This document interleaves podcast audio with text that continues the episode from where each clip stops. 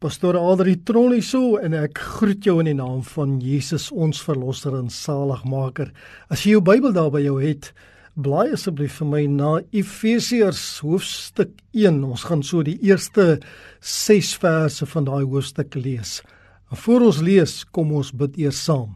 Vader in die hemel, U is werklik die Vader wat ons seën met seëninge uit die hemel uit. En ons bid vandag Here dat U woord ook vir ons so 'n seën sal wees. Ons bid dit in die naam van Jesus alleen.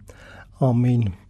Vriende, kom ons lees vinnig saam want ons gaan hierdie gedeelte sommer so vers vir vers hanteer vandag in hierdie boodskap en ek wil die boodskap graag noem geestelike seënings in Christus want dit is eintlik maar waaroor dit gaan.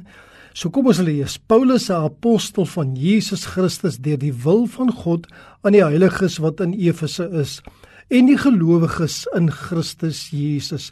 Genade vir julle en vrede van God, ons Vader en die Here Jesus Christus.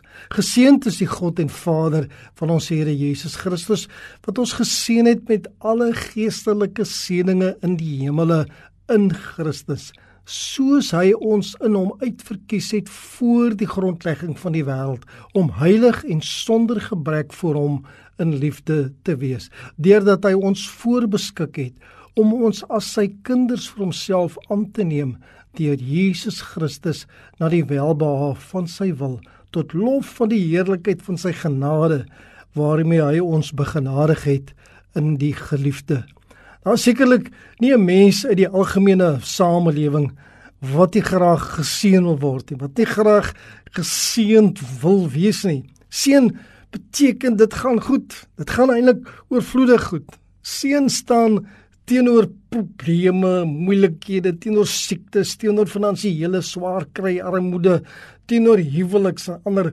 verhoudingsprobleme, teenoor eintlik alles wat dit met 'n mens sleg laat gaan. Ons wens en ons bid mekaar seën toe en ons aanvaar graag hierdie seënwense en hierdie gebede. Nou Paulus gee seën aan die gemeente in Efese. En hierdie seën van hom strek eintlik oor 12 verse, hoewel ons vandag net 6 van hulle gaan hanteer. Nou wie is hierdie mense teenoor wie Paulus so ernstig is oor seën, ten minste aan die begin van sy brief. Paulus begin die brief met hierdie woorde en ons lees dit gou weer. Paulus, 'n apostel van Jesus Christus, deur die wil van God aan die heiliges wat in Efese is en die gelowiges in Christus Jesus. Paulus skryf aan die heiliges in Efese. Heiliges is 'n naam wat dikwels aan Christene of dan volgelinge van Jesus Christus gegee word. Die naam is so gegee omdat hulle geheiligdes is. 1 Korintiërs 1 vers 2 aan die gemeente van God wat in Korinte is, aan die geheiligdes in Christus Jesus, die geroepe heiliges, saam met almal wat die naam van ons Here Jesus Christus in elke plek aanroep, hulle sowel as ons Here.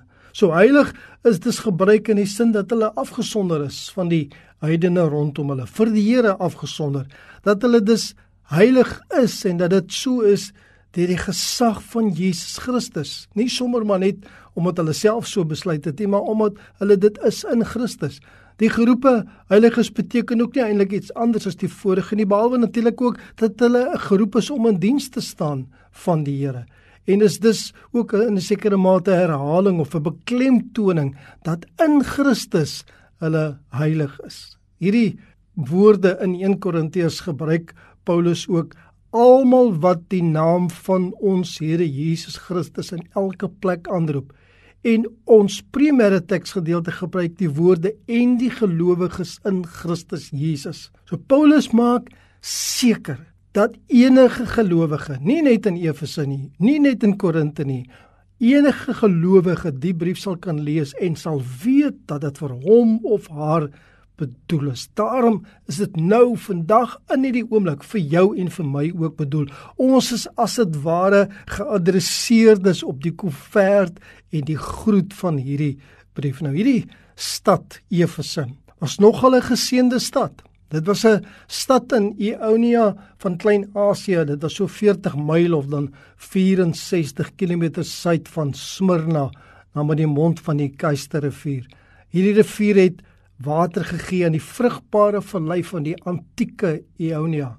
Wat 'n plek was wat beskou was as die mooiste en die vrugbaarste deel van Klein-Asië. Dit was meestal Griekse kolonies met stede soos Pergamus en Smyrna en Efese en Miletus. Dis bekende name, jy het dit al gehoor. Jy lees dit veral daar in die begin van die van die boek Openbaring. In die klimaat word beskou as verbasend matig en die lug is skoon en so klink vir my na die tipe plek waar ek graag sou wou gebly het. Hierdie streek is geprys vir alles wat sagtheid en vroulikheid verteenwoordig, maar ongelukkig ook welis.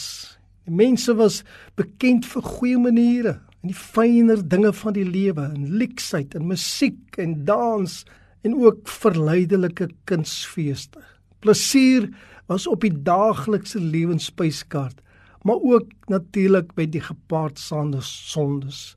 'n Mens sou seker kon sê dat die mense daar hulle self as geseënd sou beskou het, maar dan natuurlik in 'n wêreldse seënsin. Nou, Paulus adresseer die brief sodat dit algemeen gepubliseer kan word. Die doel is om leerstellings, met ander woorde dit wat God vir ons wil gee om ons algemene geloofslewe in te rig, dat dit wyd versprei kan word, dat mense dit sal verstaan oral waar hulle Christus volg. Maar die uitgangspunt is die opbouing van gelowiges se harte eerder as om sondaars nou te kapittel, om hulle eerder as om hulle nou te veroordeel oor hulle sondes en om hulle nou tot bekering te beweeg. Met ander woorde, die fokuspunt is gelowige mense soos ek en jy. Dit wil eintlik voortspoed en seën en blydskap gee aan die gelowige bokant wat die wêreld kan gee. Meer as wat hierdie geseënde stad Efese vir hulle kan gee. Nou hierdie mense was natuurlik bekend. Sommige van hulle was heidene.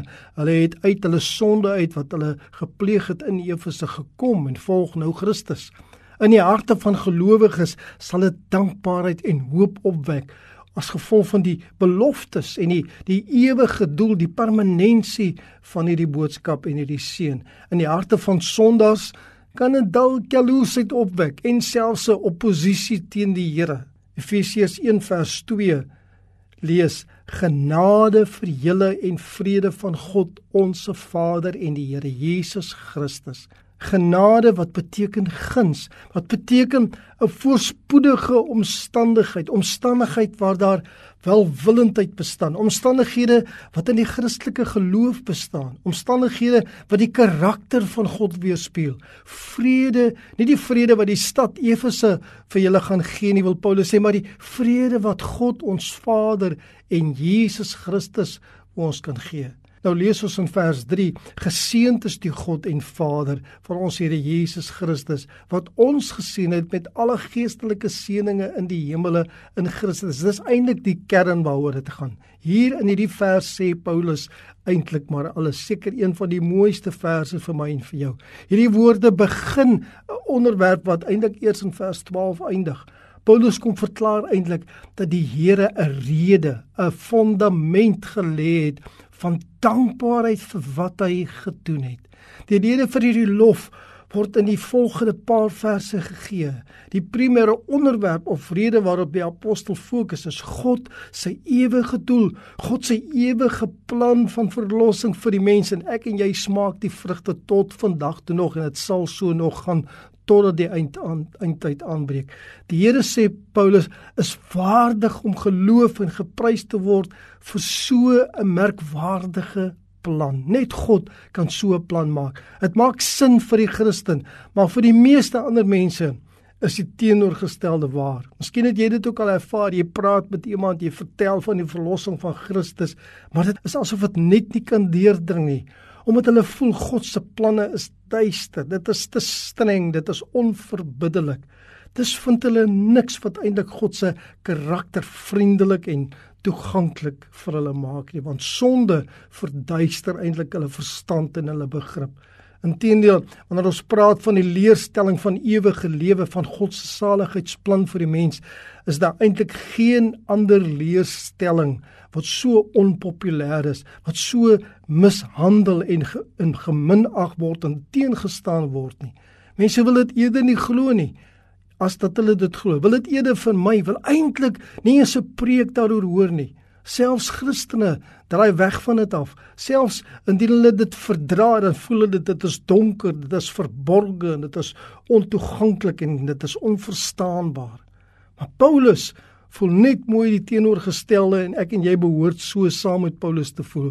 Hy gee vir ons woorde as bewyse vir ewige lof en aanbidding tot God dat dit die heerlikheid van die Here openbaar, dat dit die fondament lê vir vertroue en hoop en dat dit 'n begeerte by Christene by my en jou moet wees om dit te ondersoek, dit te bestudeer en die Here daarvoor te loof. Met ander woorde, elke keer soos wat jy aangaan en jy ontdek hierdie nuwe dinge, hierdie wonderlike dinge dat jy regtig waarin lof sal uitbreek teenoor die Here. Die begrip dat ons voor die grondlegging van die wêreld uitverkies het, behoort vir ons hierdie verhewe siening, hierdie hoë siening van heerlikheid van God se karakter eintlik te gee. Wat bedoel Paulus as hy sê dat ons geseën is? Bedoel hy die hele wêreld of al die nasies? Nee, dit kan nie wees nie, want jy sien die hele wêreld en al die nasies is nie geseën met geestelike seëninge nie, want nie almal het Christus aanvaar as verlosser en saligmaker nie.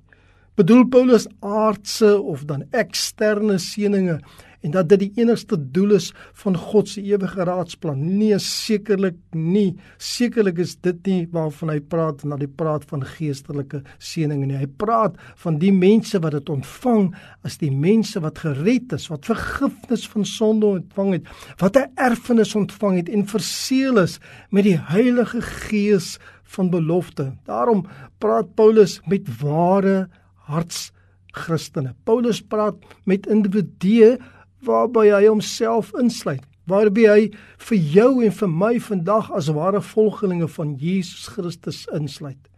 Die individue wat Paulus mee gepraat het, het Jode en heidene ingesluit. Paulus lees ek in een van die kommentare was eintlik baie suksesvol in Efes. Ek meen hy het vir 3 jaar eintlik daar bedien onder sy eie volksgenote en hulle het dit het aanvaar en hulle hulle is deel van die ontvangers van hierdie brief. So hy sou met vrymoedigheid met hulle ook praat. En die Jode sou bewus gewees het van al hierdie seëninge. Hulle het dit geken. Selfs onder die verbond het hulle dit geken, hulle het dit geniet en hulle sou met ander woorde dit kon deel nou met die heidene wat rondom hulle is. Hulle sou vir hulle eintlik meer kon vertel van wat beteken hierdie seëninge in Jesus Christus. Wat is dan al die geestelike seëninge waarvan Paulus praat? Dit kan net wees dinge soos vergifnis, vrede, redding, verzoening, aanneming tot kinders, die inwoning van die Heilige Gees en, en so kan hierdie lys aangaan van al die dinge wat ek en jy as gelowiges ontvang op grond daarvan dat Jesus Christus aan die kruis gesterf het vir ons sondes. Hemelse plekke verwys eintlik na hemelse aangeleenthede of dan nou hemelse onderwerpe of hemelse sake. Dit gaan dus oor die dinge wat die hemel aangaan. Die dinge wat ons nou kan ontvang en geniet, maar wat ons voorberei vir die hemel, wat in ons die begeerte aanwakker om hemel toe te wil gaan. Dit gaan nie hieroor dat ek gaan hemel toe net omdat ek die straf van die hel wil vermy nie. Nee nee, dit gaan daaroor dat ek uitsien om meer en meer van die hemelse seënings te ontvang. Dat dit vir ons voordele vir hierdie lewe op aarde inhou meer as wat mense sonder Christus kan besef Dit is ook waar, maar die primêre doel daarvan is nie vir hierdie lewe nie, maar vir die lewe wat ons hierna in die hemel gaan leef. Die Vader gee dus vir ons hemelse seënings deur Jesus Christus om ons vir die hemel voor te berei. Nou sê vers 4: Soos hy ons in hom uitverkies het voor die grondlegging van die wêreld om heilig en sonder gebrek voor hom in liefde te wees dat ons hierdie geestelike seënings uit die hemel deelagtig word, moet ons onmiddellik verstaan as deel van God se ewigheidsplan. Die Here het 'n ewige doel daarmee, 'n ewigheidsperspektief wat ek en jy as gelowiges ook moet hê. Dit was die gevolg van 'n doelbewuste beplanning van God se kant af. Dis nie sommer net luk raak nie, nie sommer net 'n 'n kits oplossing omdat God agtergekom het hier's 'n hier's 'n probleem nie. Nie omdat daar maar sommer net 'n noodsituasie ontstaan het nie. Nee, God was van die begin af van ewigheid tot ewigheid in beheer. Dit was in die ewigheid besluit om te fungeer tot in die ewigheid. Die plan is geldig tot in ewigheid. Die seëninge en die versekering van permanensie dat dit nie sal ophou nie. Paulus gebruik weer hierdie woord ons waaroor ons net nou al gepraat het. Hierdie voorbeskik of ook uitverkies het die intensie van goedertierenheid of guns. Ons lees byvoorbeeld in Markus 13 vers 20 die woorde en as die Here die dae nie verkort het nie, sou geen vlees gered word nie, maar ter wille van die uitverkorenes wat hy uitverkies het, het hy die dae verkort. So ek en jy, ons is deel van hierdie ons ter wille van die uitverkorenes wat vandag lewe terwyl van die uitverkorenes wat in in in Efese gelewe terwyl van die uitverkorenes wat in die toekoms nog gaan lewe terwyl van ons almal doen God sekere dinge en hy hy doen dit uit welwillendheid vir ons. Dit bedoel dus om iemand uit te kies in liefde en in guns en met die doel om belangrike voordele aan die wat uitgekies is te gee. God se fokus is altyd deur sy liefde vir ons. Daar is dis 'n onderskeid tussen die wat uitgekies is en die res van die mense. Die res van die mense, die wat nie uitgekies is nie. Met ander woorde, die wat uit hulle eie uit besluit het dat hulle Jesus Christus nie gaan volg nie en God het dit in sy alwetendheid gewet. Met ander woorde, ek herhaal maar net wat ek al in vorige boodskappe ook gesê het. God het nie eendag besluit jy maak dit en jy maak dit nie of jy gaan dit maak en jy gaan dit nie maak nie. Nee nee. God weet net in sy alwetendheid wie gaan hom kies en wie nie. Hierdie uitverkiesing is gedoen in hom, bedoelende in Christus. Die keuse was nie gemaak sonder enige verwysing na redding nie. God het nie maar sommer net 'n getal bepaal wat hemel toe moet gaan en toe daar volgens mense gekies nie. Nee, die doel en die middele en die metode en die einddoel was lankal reeds bepaal voordat enige iets anders bestaan het. Dit was gedoen met die redder en verlosser en sy werk aan die kruis in gedagte. Daar was 'n doelwit dat die wat uitverkies is deur hom gered sal word en die voordele van verzoening sal deel. In hom en deur hom word ons gered en sonder hom en buite hom sal niemand gered word nie. En jy kan hierdie woorde maar onthou. Jy kan dit maar deel met enige iemand wat jy weet wat Christus nog nie nog nie volg nie. Sonder hom bestaan daar eenvoudig nie vir my en vir jou redding nie. Voor die grondlegging van die wêreld, met ander woorde, voordat enigiets bestaan het, is hierdie besluit geneem, is hierdie keuse gemaak. Dit was nie 'n nagedagte nie. Dit was gemaak deur 'n alwyse en alomteenwoordige God wat nie beperk word deur tyd nie.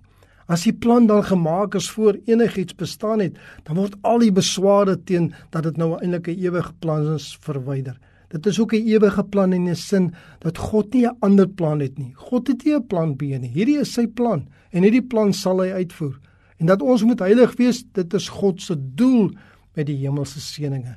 Nie dat ons maar net hemel toe moet gaan nie, nie dat ons maar net toegang kry nie. Nie dat ons op grond van die uitverkiesing nou maar in sonde mag lewe nie. Nie dat ons trots kan wees op onsself oor wat ons reg kry nie. Redenasie soos as God dinge reggestel het, dan is daar geen menslike poging nodig nie. Dat as God 'n ewige plan het, maak dit nie saak hoe mense leef nie. Hulle sal gered word as God hulle uitgekies het en dat hulle net sowel die lewe kan geniet in hulle verlustig en sonde. Dit is nie geldig nie. Dit is 'n verskriklik gevaarlike redenasie om te hê. Jy speel eintlik met vuur as jy so redeneer.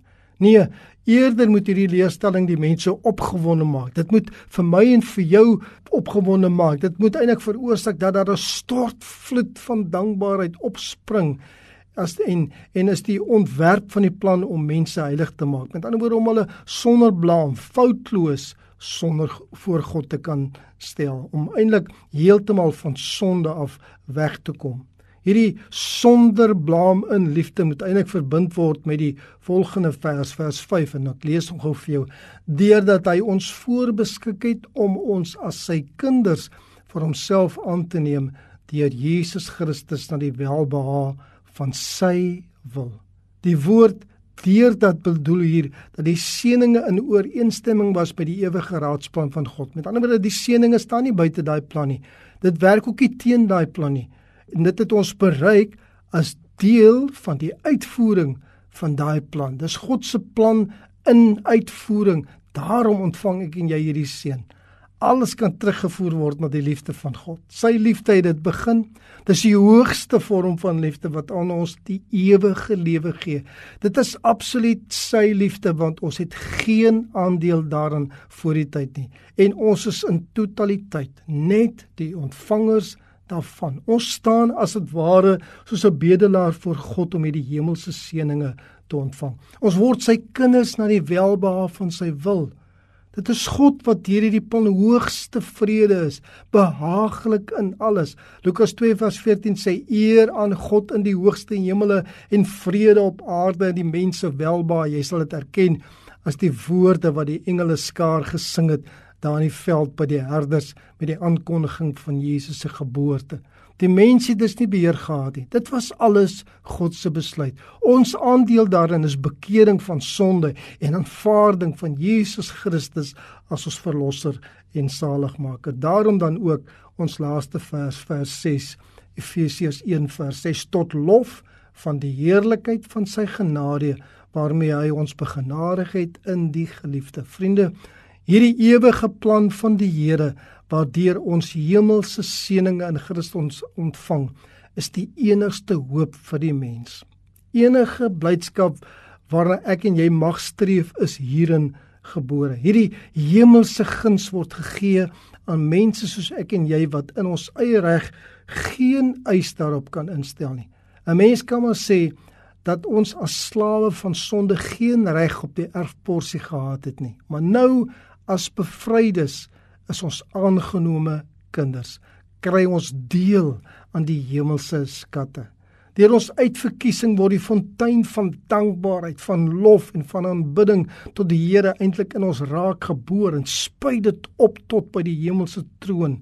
Dit behoort eintlik uit ons hele wese uit te skyn. Daar behoort geen plek by ons gevind te word wat genoeg rede gee vir klagte nie, maar net 'n stortvloed van dankbaarheid en dit alles in die geliefde Jesus Christus ons verlosser en saligmaker ons koning maar ook die regter van die wat in sonde bly. Dankbaar kan ek en jy wees dat ons nie daar hoef te wees nie dat ons hom net kan eer as ons verlosser en saligmaker. Kom ons bid saam. Hemelse Vader knoop hierdie woord vas in ons Here laat dit so wees dat daar nie klagtes by ons mond uitkom nie, maar dat ons hierdie hemelse seëninge sal geniet. Dat dit by ons die gevoel sal opwek elke dag van dankbaarheid teenoor die Here wat vir ons 'n ewige lewe gee. Here help vir ons om nie hierdie seëninge te verbeur as ons teenoor wêreldlinge kla nie, maar dat hulle hoor by ons daar is vreugde en blydskap oor die verlossing van die Here. Daar is hemelse seëninge wat hulle ook kan ontvang. Dit wat ons het is vir hulle ook beskikbaar. Here gebruik ons as deel van u enigste ewige plan om mense uit die duisternis na die koninkryk van die lig te bring. Ons eer U daarvoor met 'n dankbare hart. In Jesus naam bid ons dit. Amen.